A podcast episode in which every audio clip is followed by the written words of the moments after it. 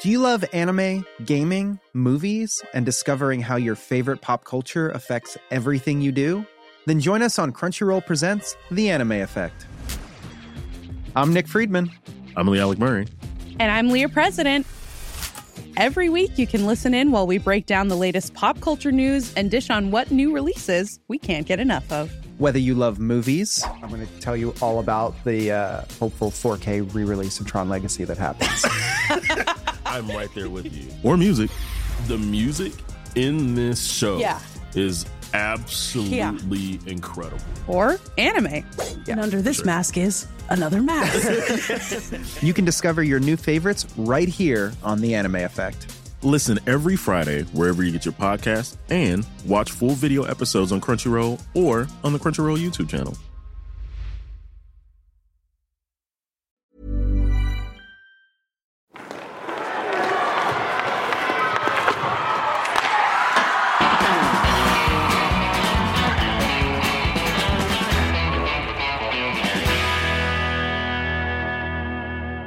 Hälsar jag välkommen till det här bonusavsnittet av Hockeystudion. Jag har den stora glädjen att träffa Växjös general manager Henrik Evertsson.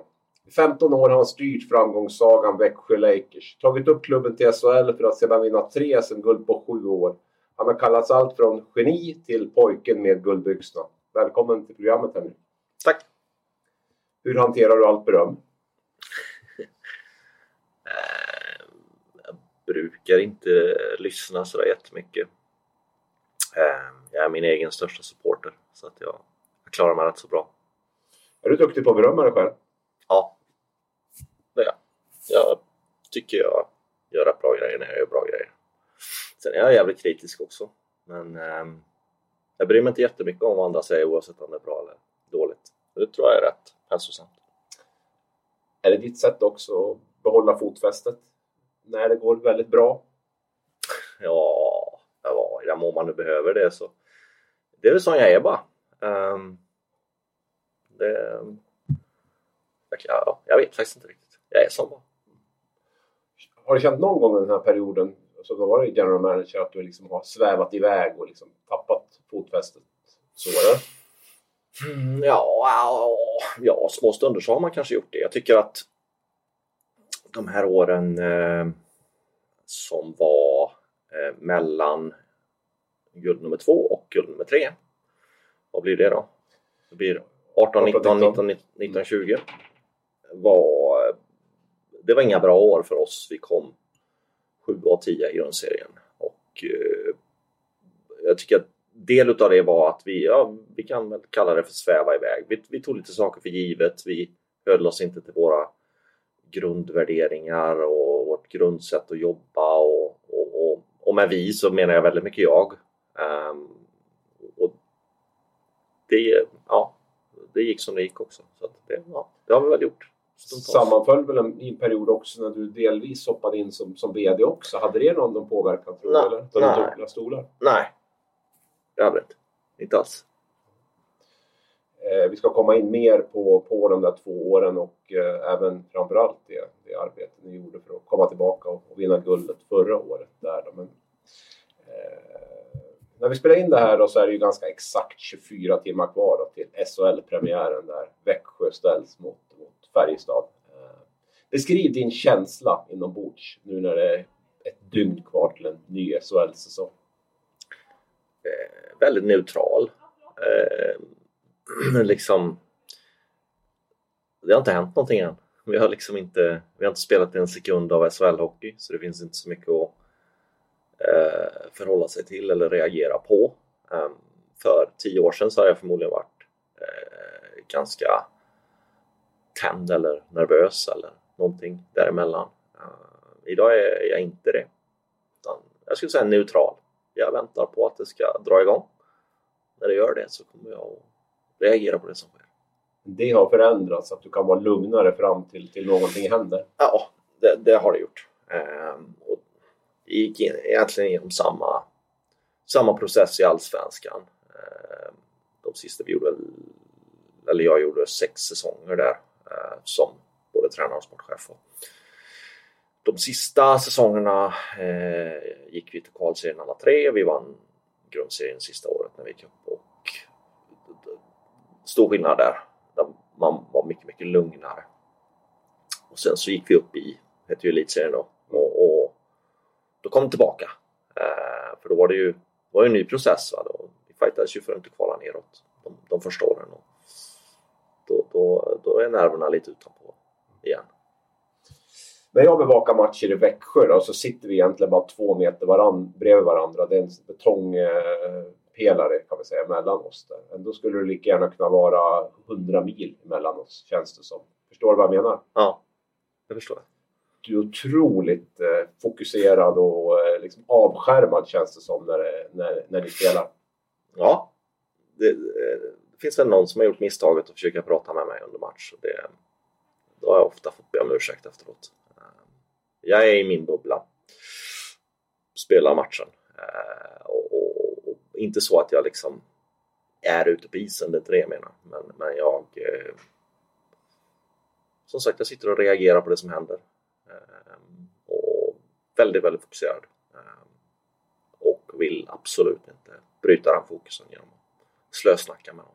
Det är alltid agenter och liknande som hör av sig och är du på matchen? Vi kanske kan träffas. Jag tror aldrig jag träffat en agent. Det är en ganska utsatt position du sitter i på ett sätt också. Att det är på pressläktaren, det är mycket agenter, det är mycket scouter, det är mycket journalister. Och liksom, som... Men de, de har lärt sig. Ja. ja. Finns det någon speciell anledning till att du ändå väljer att, att sitta just där? Jag har alltid suttit där. Ja. Jag, är inte, jag är rätt mycket vanemänniska. Och, och... Sen jag har inte haft, jag har inte haft några större problem med... Jag har ju aldrig sagt till dig att kom inte fram till mig under match utan du uppenbarligen märkt det själv. Ja. Uh, jag tror att det syns. Det gör det. jag har tänkt på det. Och du, även att du kan bli ganska förbannad ibland också. Man hör att näven slår i, i, i bordet och sådär. Och, ja. ja. ja. Det, jag har väl, alltså jag saknar nog ganska många talanger för att, för att liksom, eh, lira själv på högsta nivå men det är inte tävlingshuvudet som saknas i alla fall. Vad är det du tittar på där uppe när, när du sitter där? Eh, titta på det som sker. Allt ifrån eh, hur det spelas till hur det coachas till eh, ja, eh, titta på det som sker. Och jag går alltid ner i periodpauser och, och tror givetvis att jag kan påverka mycket mer än, än, än vad jag kan. Det är väl också en sån här grej som förändrats genom åren att man, man kanske första åren ska jag inte sticka under stol med att jag definitivt försökte coacha i, i, i paus. Ehm, det har jag nog inte gjort på ganska många år. Utan det handlar väl mer om att man vill eh, erbjuda ett stöd och kanske en, eh, en vinkel eh, som man inte har där nerifrån. För ofta är du ännu mer upphetsad där nere. Jag har ju stått i Bost också. Det, mm. Då lirar man verkligen. I alla fall jag. Händer det att du stormar in i omklädningsrummet fortfarande och är riktigt förbannad på spelarna? Aldrig någonsin gjort under alla mina år. Aldrig satt en fot i omklädningsrummet under match. Har du skällt ut tränarna? Eh, nej, inte skällt ut, men visst fan har det varit liksom lite upphetsat, men inte, nej, inte skällt ut. Det, det är liksom, där och då är det ju inte det det handlar om, då gäller det att vara konstruktiv. Hur skulle du beskriva din relation till, till Sam Hallam då? Är den rent professionell? Eller? Nej, en bra vän. Eh, sen är det inte så att vi liksom kör fredagsmys ihop och sådär. Men jag var på hans bröllop och, och eh, vi, vi eh, gillar, eller i alla fall jag gillar att umgås med honom. Jag tror att han tycker att jag är helt okej att umgås med faktiskt. Vi är ganska lika så att eh, det brukar funka rätt bra. Umgås familjevis också så eller? Nej, nej som sagt inte, in, nej, inte så. Eh, sen känner vi ju varandras familjer väldigt väl mm. efter, efter åren. Men nej, definitivt en vänskaplig relation. Mm. Är det svårt att, hålla isär den där vänskapen kontra professionalismen? Där? Nej, jag tycker inte det. Jag strävar väl alltid efter relationer där du inte ska uppfatta det som svårt. Ehm, jag själv funderar inte speciellt mycket på det. Ehm, det är väl bara en bra vänskaplig relation om man kan bli förbannad på varandra utan att det kostar för mycket. Mm. Ehm, så är jag uppvuxen i alla fall. Den här tävlingsinstinkten då som du pratar om, har den alltid funnits där? Ja, absolut. Vi ska liksom gå in på det här. Nu tänker jag också lite grann. Du är född i Kungälv 1972 enligt eh, sajten Elite Prospects i alla fall. Ja. Det- är det korrekt? Ja, underligt nog på Mölndals lasarett som är andra, komplett andra ändan av stan. Ja. Men Kungälv ja. Men ni bodde, du, ni bodde i Kungälv men du föddes i Mölndal? På lasarettet där? Ja. fanns väl inte plats eller någonting, jag vet inte. Men eh, ja, stämmer. Hur skulle du beskriva din uppväxt? Eh, ja, till att börja med skedde den inte speciellt mycket i Kungälv utan vi flyttade till eh, Veddige eh, som ligger eh, 6-7 mil söder om Göteborg. Kungälv ligger ju ja, 2-3 mil norr om eh, Göteborg. När jag var två år eller något liknande så eh, relationen till Kungälv är inte mycket mer än i passet. Eh, så Veddige är ett litet litet villasamhälle, eh, 3000 invånare där det mesta kretsar kring att vi hade eh, kommunens enda ishall. Eh, så eh, i de trakterna finns inte speciellt mycket hockeykultur, men i Veddige finns hockeykultur. Ingen, ingen så här superframgångsrik hockeykultur, men, men definitivt eh, en hockeykultur. Alla spelar hockey och, och- och det var liksom ishallen man samlades. Så att, eh, traditionell eh, småsamhällesuppväxt där man eh, eh, tävlade och fick stryk mot de äldre och eh, tog ut det på de yngre och, så vidare. När du säger kommunens enda ishall, är det Varberg då vi pratar om? Varberg, ja, exakt. Mm, ja.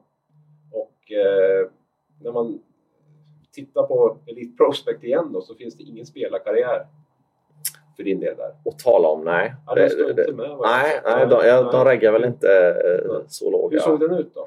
Eh, jag spelade ju eh, fram till, jag kan ha varit 18-19 år. Eh, sen, eh, jag var inte, alltså jag var otroligt eh, lat.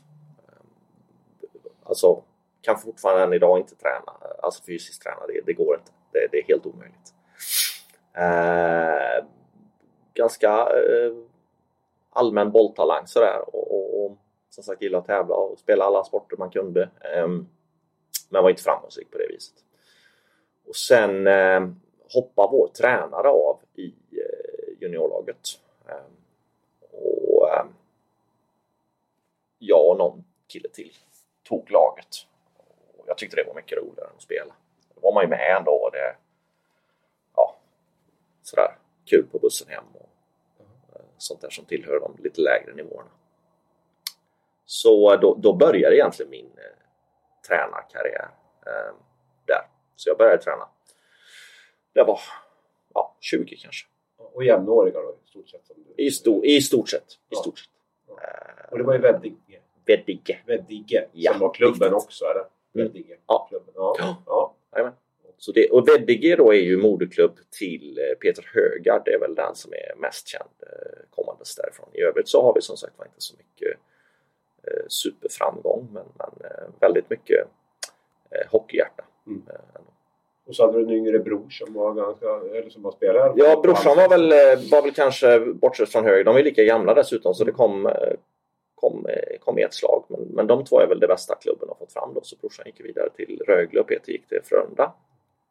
Eh, och eh, fick också en hockeykarriär även om han inte spelade på högsta, högsta nivå. Eh, så, så, eh, så lirade han på bra nivå under ganska många år. Eh, och jobbade som scout idag. Var det störigt att han...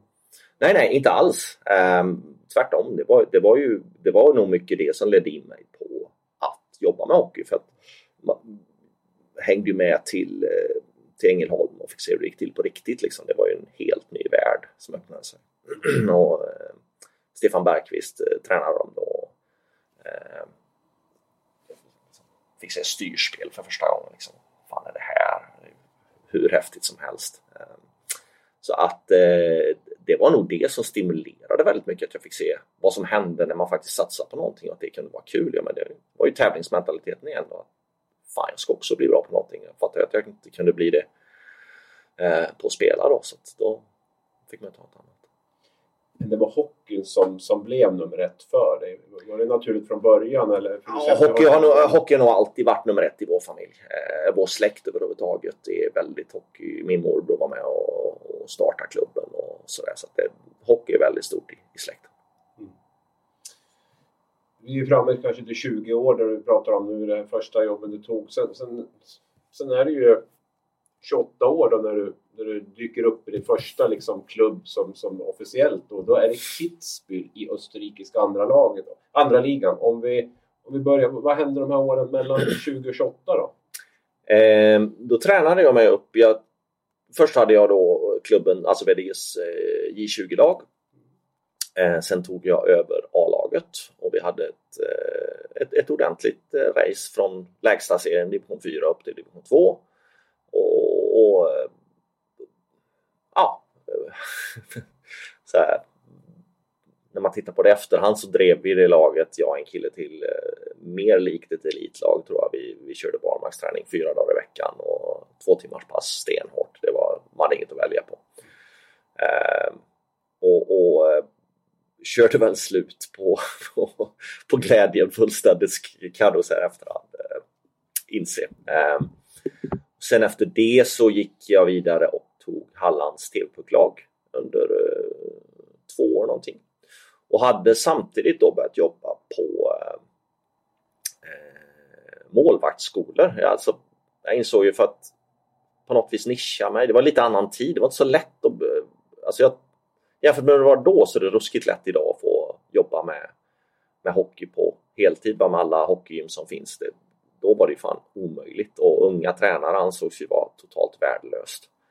Eh, det var ju bara erfarenhet. Så jag sökte mig utomlands för då var man ju svensk. Det var ju något extra och dessutom så insåg jag att målvaktstränare det var någonting som började bli ropet. Så jag lyckades ljuga mig in på en utbildning. Eh, jag har inte spelat målvakt, kunde ingenting om målvakter.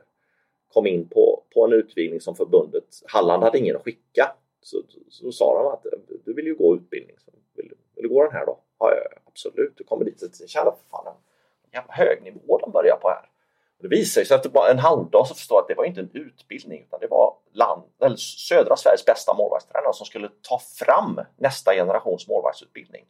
Och där var jag med. Jag fick mm. hålla väldigt tyst i, i ett år. Vi samlades sådär var sjätte vecka eller någonting sånt. eh, Thomas Högberg som blev eh, senare eh, i HV då som, eh, som höll i detta. Eh, lärde mig otroligt mycket. Och så kunde man sätta upp det på CV och lyckades på samma sätt eh, ja, sälja in mig kanske vi ska använda istället för att ljuga. Sig då. Eh, som målvaktstränare. Först i, eh, i Toronto. Eh, Vladislav Tretjak hade en skola där.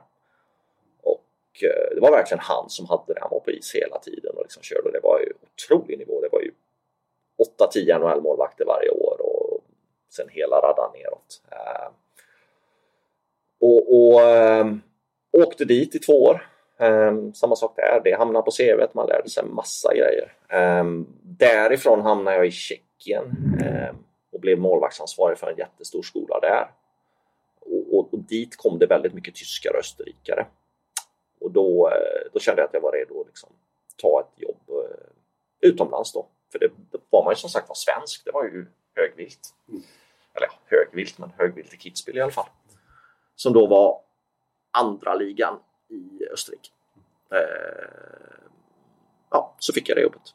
Men du var headcoach där? Jajamän. Ja. Jag var headcoach eh, och eh, jag var headcoach hela vägen fram eh, där och, och tränade även ett juniorlag och ett pojklag.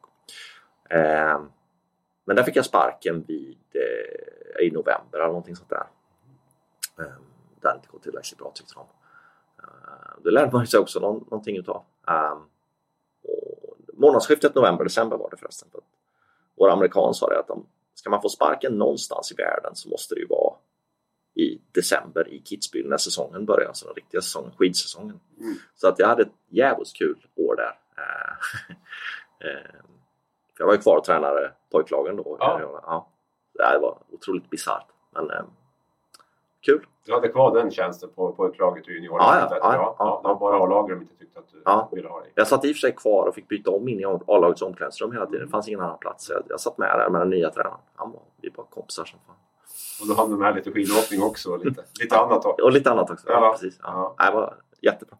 Men, eh, men där eh, så fick jag eh, kontakt med en agent. Eh, så skaffade mig agent och eh, till året efter då så fick jag jobb i eh, Clermont-Ferrand eh, som eh, var nykomlingar i franska högsta ligan då, som heter Ligue Magnus.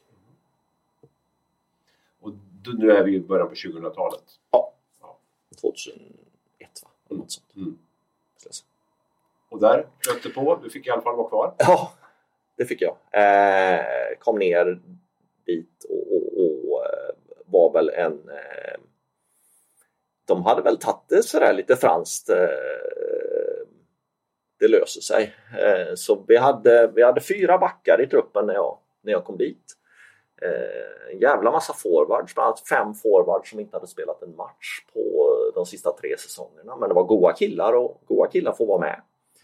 Lokala killar givetvis då. Så de, man rörde inte dem, de, man behövde inte stå ut dem till match, men med skulle de få vara. Så jag fick liksom bygga upp det där laget. Eh, började med sju raka torsk tror jag, sen vann vi en match. Varenda match vi vann fram till jul. Sen delar man upp eh, serien efter jul. Då gick vi faktiskt till final i B-poolen då. Eh, hade fått in. Så vi hade ett anständigt gäng. Sen var jag kvar ett år till och kunde bygga det ordentligt. Och då, då, eh, förlåt, det var andra året vi gick till final, vi gick till semi. Eh, första året. Så att det, också jättelärorikt. Eh, det var ganska många i laget som var äldre än vad jag var. Och man, man fick liksom lära sig att handskas eh, med den mentaliteten. Du kunde liksom inte visa, visa någon svaghet där direkt och då blev du uppkäkad. Hur var du som tränare slash ledare på den här tiden?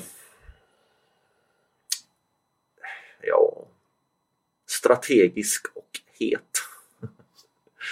Jag eh, var nog eh, även lite för engagerad. Eh, väldigt het i, i båset. sådär. Men, också väldigt strategiskt. Jag har alltid trott mycket på att taktik kan göra mycket. Mm. En gemensam taktik slår ett, ett individuellt lag. A lot can happen in three years, like a chatbot may be your new best friend. But what won't change? Needing health insurance. United Healthcare Tri Term Medical Plans, underwritten by Golden Rule Insurance Company, offer flexible, budget friendly coverage that lasts nearly three years in some states. Learn more at uh1.com. Vilken dag som helst. Har du funderat något på att det här drivet för att träna själv fanns inte, men det känns som att du har haft ett otroligt driv med liksom den karriären som, som tränare. Det Kan, Det är väl... Eh, är det just att man slipper springa och nej, men det, lyfta? Och, nej, det, ja, ja, det, antingen brukar man ju ha det, blir, det, det blir ju den effekten, men det är ett personlighetsdrag jag har. Jag, jag är väldigt svart och vit. Jag gör saker till max eller inte alls. Eh, Jag, eh, jag kan äga en bil i tre år utan att tvätta den. Eh, Någonting annat är jag jättenoggrann med. Så det, det, man brukar skämta om bokstavskombinationer hit och dit, men eh, jag vet inte. Det, det kanske är någonting sånt. Men svart och vit är jag i alla fall. Kan det vara så tror du? Nej, ingen, någon- ingen Du har aning. inte gjort någon Det, det är väl, utredning? nej, nej, nej. Det är, väl, det är väl av godo i sådana fall, inte vet jag. Jag trivs med det. Ja, det är många som sa det. Jag vet att Kjetil André Åmots pappa, Finn André heter han väl, sa Aha. det någon gång att A4, A4 barn gör A4-resultat. Ja, ja, Lite ja. grann så. Ja, definitivt. Jag är, jag är aldrig ute efter att vara lagom. Ehm, så he, hellre gör jag det inte alls än att göra det. Lite, lite sådär. Och nu är vi framme vid 2004-2005 säsongen. Eh, om jag har räknat rätt. Och du kommer in, du får jobb som assisterande tränare bakom Joakim Fagervall numera i Malmö som Mm. var en ganska het, alltså en, vad ska jag säga, alltså han var en eh, tränare i ropet kan vi väl säga. Han, han, han var nog den hetaste skulle jag säga. Han hade ju... Utanför SHL. Ja, ja. Jag skulle säga att det var i brytpunkten där. där var, spelade eller tränade du i Allsvenskan så var du ju inte aktuell för elitserien. Det var ju bara så. Mm. Så de snurrar ju runt på samma gäng. Eh, alltså idag hade det, han hade ju haft varenda lag efter sig. Han hade ju tagit eh, Oskarshamn till en sån vinstmaskin så det fanns inte. Eh, så att eh, ja, Hur fick du det jobbet? Min agent som jag hade då var samma eh, kille som hade Sean Podin som ju hade kommit hit året innan och givetvis var den agenten låg väl rätt bra till i Växjö skulle jag väl misstänka. Ehm, Så han lobbade in mitt namn till klubben och sen så var jag och är bra vän med Patrik Aronsson som, som var, eh, kom ju från Kungsbacka, det är Mm. alldeles nära Varberg och sådär. Så, eh, eh, han, representerade då Joakim Fagervall så han lobbade väl in mitt namn till Jocke. Och eh, återigen så var det den här målvaktsnischen som också var ganska bra för att det, på den tiden, det var inte så länge sedan så alltså det var inte standard att ha en målvaktstränare. Eh, så att kunde man kombinera det var ju det svinbra. Det var ju två för en. Liksom. Den sålde du in naturligtvis. Ja, absolut. Mm. Hur bra målvaktstränare är du då, skulle man kunna säga? Eh, är du? Där, där blir ju Ja. Jag, har, jag har inte idkat eh, det yrket på jävligt länge, men så förmodligen inte speciellt bra. Um, men ehm, jag lägger mig fortfarande i. Um, sådär. Mm. Ehm, jag, ty- alltså jag tycker målvaktsträning, är, eller målvakt överhuvudtaget är så jävla roligt. Alltså det är ju verkligen, en, där kan du verkligen göra skillnad. För jag spela om min karriär skulle jag stå i mål. För de behöver inte röra på sig lika mycket heller. Det känns som en bekvämare position på det viset. Och då hade ju Växjö precis, ja, nyligen, inte, året innan eller någonting, gått upp i Allsvenskan i alla fall. eller Två år innan eller något sånt där. Året innan. Ja, året innan, precis. Eh, vad var det för typ av lag och klubb du kom till då? Eh, det var ju... Eh, ja, om man skulle beskriva laget som en fest så var det en fest som hade en timma kvar ungefär. Det var ganska, ganska stökigt, musiken var på, det låg grejer lite här och var. eh, men, for, men, fortfarande en bra fest. Alltså, en bra klubb, alla menar väl, inga konstigheter men det hade ju gått fort. Man hade ju byggt laget på egentligen med hjälp av pengar. Ehm, det är inget konstigt så är det. Och vem kan du få med hjälp av pengar? Det var inte, det var inte enorma pengar, det var liksom inte så här Malmöpengar när de körde. Utan eh, du kan ju få dem som de inte vill ha en våning upp. Eh, och då, varför vill de inte ha dem då? Om det är bra hockeyspelare jag oftast inställningen. Så vi hade ju ett ruskigt brokigt gäng vad det gällde eh, lagtänk och eh, många andra saker. Så att, eh, och, och Jocke är ju en tränare som definitivt prioriterar inställning. Så han grät sig nog till sömns ganska många kvällar där tror jag faktiskt. Såg du omedelbart potentialen ändå i, i Växjö? Både och. Jag brukar säga att eh, Jocke lärde ju mig någonting som, som jag inte hade haft koll på fram tills dess. För jag, jag är väldigt skicklighetsbaserad i, i grund och botten. Alltså, eh, jag gillar skickliga spelare. Spelsinne är, är ju liksom fantastiskt när man, när man ser någon som har det och hemskt när man ser någon som saknar. Jocke älskar ju inställning och det hade jag lite sett ner på faktiskt. Eh, men han fick mig inse att du kan inte vara utan det och, hur jävla mycket det är värt. Så det var liksom de där två åren med Jocke där vi dels eh, rensade ut och, och, och, fick ihop ett lag. Fick in liksom Johan Marcus och Martin Rom med två alltså lagspelare så det bara stänker om det. Och började träna på rätt sätt. Det, det var lite ögonöppnare för mig också just att ah, det är ju så här det ska gå till. Ehm, och, och, och det är klart att då fattar man att det fanns potential med bra stad, bra, bra resurser även om det, det började, man hade ju levt ganska högt så att det, det, det började ju krångla lite med, med, med stålarna också. Men, eh, ja, potential men det, det, det var inte sådär jättetydligt kanske. När började du liksom tänka SHL och SM-guld i Växjö? Det var inte i det här läget. Ja. Nej, det var det absolut inte. Ehm, jag vet inte. Ehm, aldrig i Allsvenskan, skulle jag säga. Utan det det som låg framför det. Jag minns man gick till kvalserien första gången. Det var ju så stort så herregud, att spela kvalserien. Ehm, så att, nej, jag vågade inte drömma om elitserien ens innan vi gick upp. Så två år efter, du hade två år som assisterande då med, med, med Fagervall och eh, sen tog du över som sportchef, eller du blev sportchef. Och hur, hur gick det till? Ja, det är ju det är en helt sjuk story i sig, i sig självt. Ehm, jag passar väl egentligen rätt dåligt som assisterande. Eh, jag gillar att ta beslut. Ibland har jag säkert själv sagt att jag gillar att bestämma och det, det, det är inte helt sant. Jag lyssnar gärna på andra men, men jag vill kunna ta beslut. Ehm, och ehm, jag hade ett år kvar på mitt avtal när Jocke lämnade och jag hade väl hoppats att få ta, ta över laget då. Eh, men det hade ju inte gått sådär. Vi hade stöpt om laget men synbarligen så hade det väl inte gått sådär superbra. Inte som Växjö var vana vid. Man var ju fortfarande vana vid att en, en förlust var katastrof. Liksom. Det, var, det ska man inte ha. Man ska vinna alla matcher. Mm. Eh, så att då ville ju styrelse, det fanns ju ingen sportchef och sådär. De, de, de ville dels ha ett ja, så kallat namn som, som tränare och så skulle man inrätta en sportchefsposition.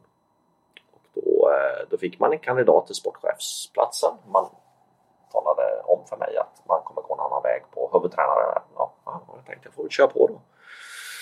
Ehm, och, och eh, den, eh, den killen som skulle hoppa på då var boendes i, i Tingsryd. Och han presenterades, eh, det här är en story jag dragit tusen gånger så det är säkert många som har hört den men, men eh, presenterades i tidningen eh, att, att, han är ny sportchef.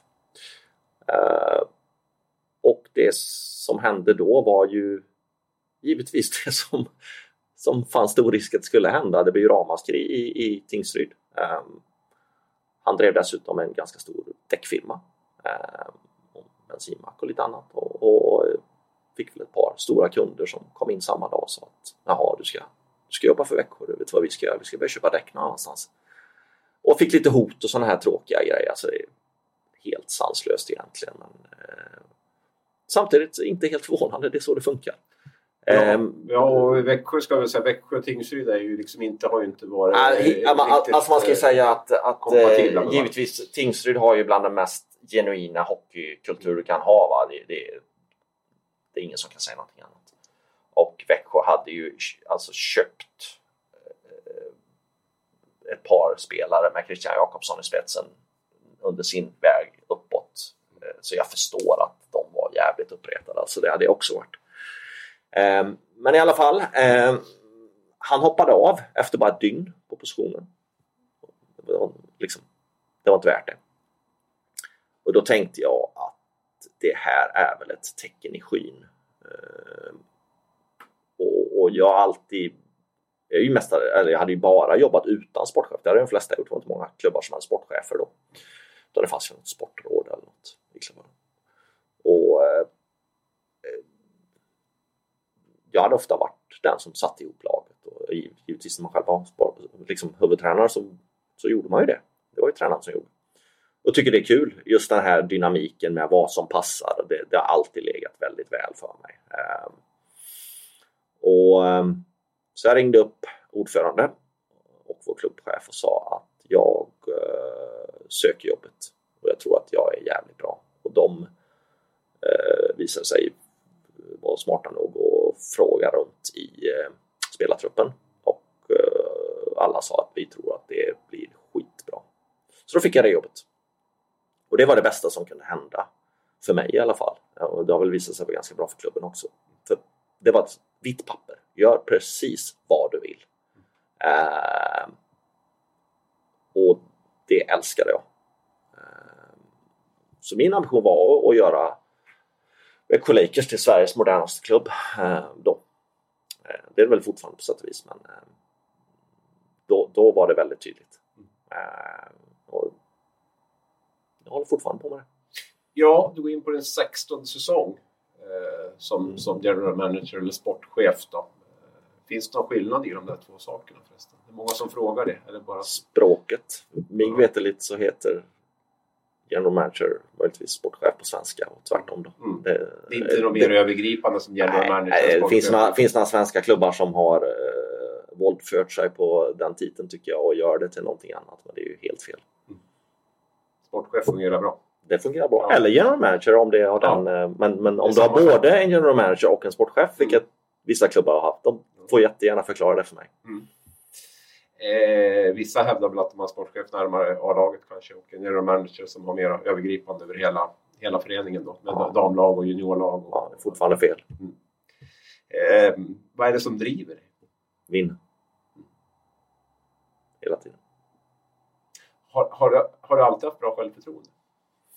Eh, ja, det har jag nog. I alla fall om du frågar om runt omkring mig. Eh, jag tror inte att jag själv, själv har känt så alltid.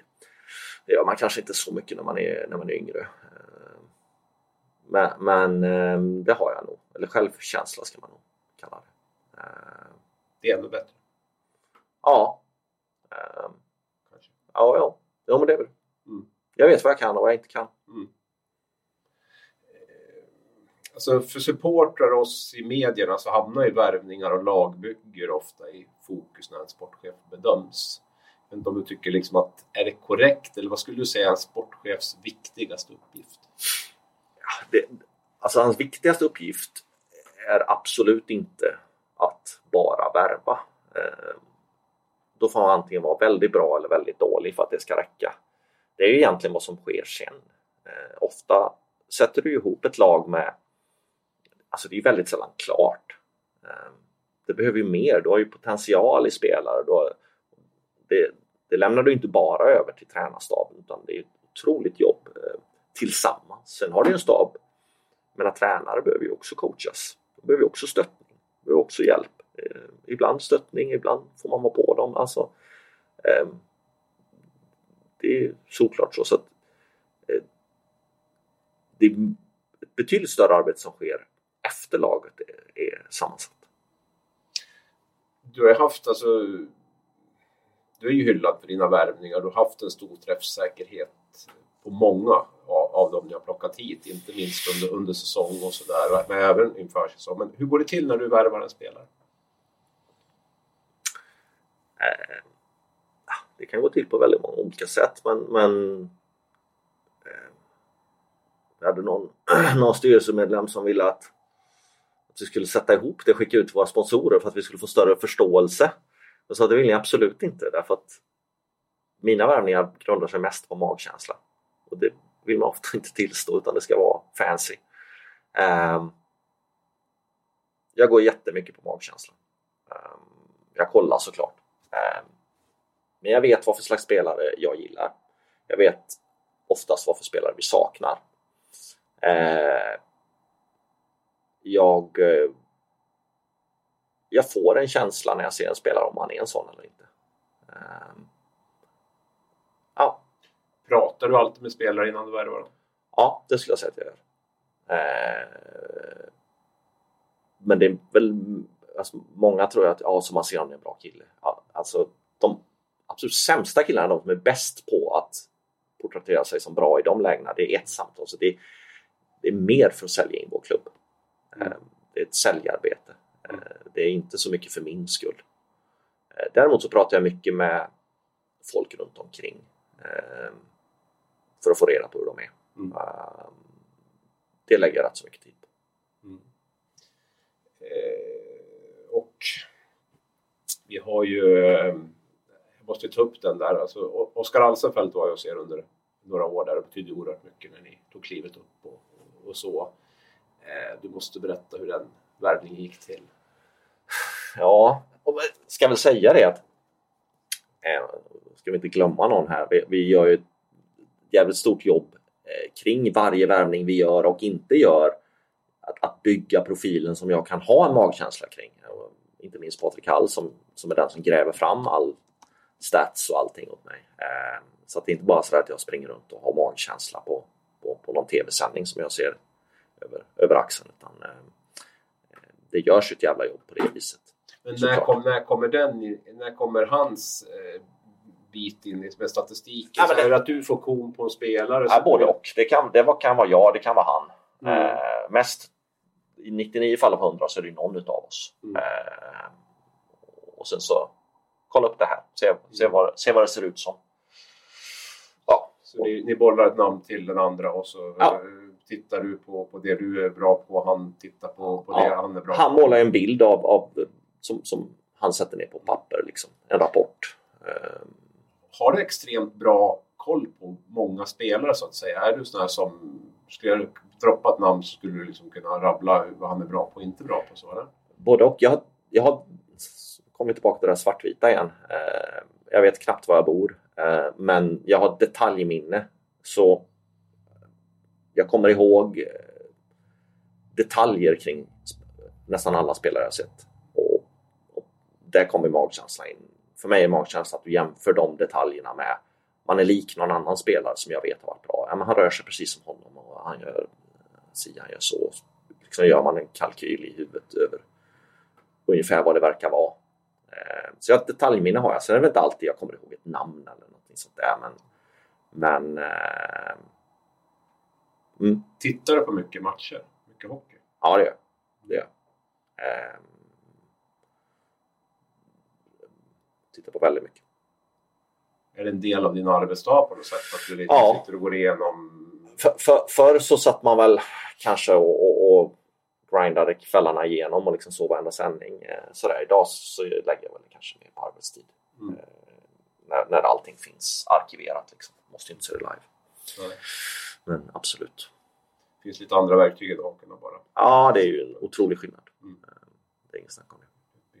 Mm. Vi har väl lite cliffhanger med Alsenfelt. Ja, Det blev där. det. O, Ja, o, o, eh, ofrivilligt där. ja, det, Det var så, så jo, vi hade gjort en målvaktsvärvning. Eh, vi hade värvat en kille som heter Martin Spångberg och det är inte att hänga ut honom på något vis. Det var en fin kille och, och men som nog egentligen var i slutet av sin karriär och så gjorde han ett satans år i, eh, i Gislaved och verkligen eh, var en stor talang från början. Spelat i Frölundas juniorer och, och, och eh, gick väl hem till sin, sin moderklubb där och, och, och fick ihop det riktigt, riktigt vasst och vi värvar honom. Han kröp fram i efterhand att han, han funderade på att lägga av men det var för stort för att tacka nej till. Eh, och det stämde inte alls eh, för den gode Martin. Eh, det var inte alls bra. Eh, och vi mötte Sundsvall hemma. Jag tror han släppte tre i första perioden. Sundsvall då var ett bottenlag i Allsvenskan. Ett lag vi bara skulle stå, slå. Eh, och jag var så satans förbannad. Eh, och då hade Jakob Hedin som en agent eh, varit på mig eh, tidigare på, på eh, liksom försäsongen om Oskar Alsenfelt att han, han, han har en klausul och han kan komma och stå i panten. Då. ja, division 1 i panten. Ja, precis. Eh, farsan hans var, var sportchef. kanske var det som var klausulen. Jag är inte, jag är inte helt säker på hur det var. Jo- Jocke Tillgren. Nej, men, Mm. eh, suverän kille. Eh, och ehm, jag hade faktiskt inte sett Oscar överhuvudtaget då. Men vansinnig så gick jag ner i periodpaus och ringde Jakob och sa eh, stämmer det att han har en klausul? Ja. Eh, eh, ring upp honom och kolla om han vill, om han vill komma. Och under tiden han ringde så ringde jag två killar som jag kände som hade spelat med Oscar. Så jag fick någonting på vem, liksom, vem är han? Och de sa fantastisk kille. Det är liksom, det är en sån jävla kille alltså. En rätt bra målvakt också. Eh, riktig vinnare och han hade gjort bra siffror och sådär. Så, eh, ja, Jakob, jo, nej, men han tar det rätt bra, då kör vi. Så det var klart till eh, andra perioden började. Eh, det var ju lite speciellt. Är det den mest udda värvningsstrategin du haft? Ja, men det får man nog säga. Det har jag inte gjort jättemånga sådana faktiskt. Den här frågan har du fått hundra gånger. Det är så svårt att svara på. Vem är den, vilken värvning är du mest nöjd med? Ja, Oskar är jag ju grymt nöjd med. Jag var sjukt missnöjd med att vi inte klarade av att behålla honom. Uh, han gick till Modo. Eh, men eh, det är ju historia. Viktor Fast det är jag ju otroligt nöjd med. Robban Rosén, jättenöjd med. Eh, även om jag, kan inte påstå att jag var själv om Robban Rosén. Det var ju innan jag var sportchef. När han återvände eller när han kom första Nej, gången? nej, nej, när han kom första gången. Ja. Ehm, eh, men det, det, det, det är så svårt för alltså det finns uppsidor med, med många och sen ska man komma ihåg vad man har betalat för saker. Alltså Jack Drury är det absolut mest gynnsamma från alla håll och kanter. Eh, superbillig, spelade jättebra. Vi får NHL-pengar för han. Vi, ja, det, det är svårt att slå.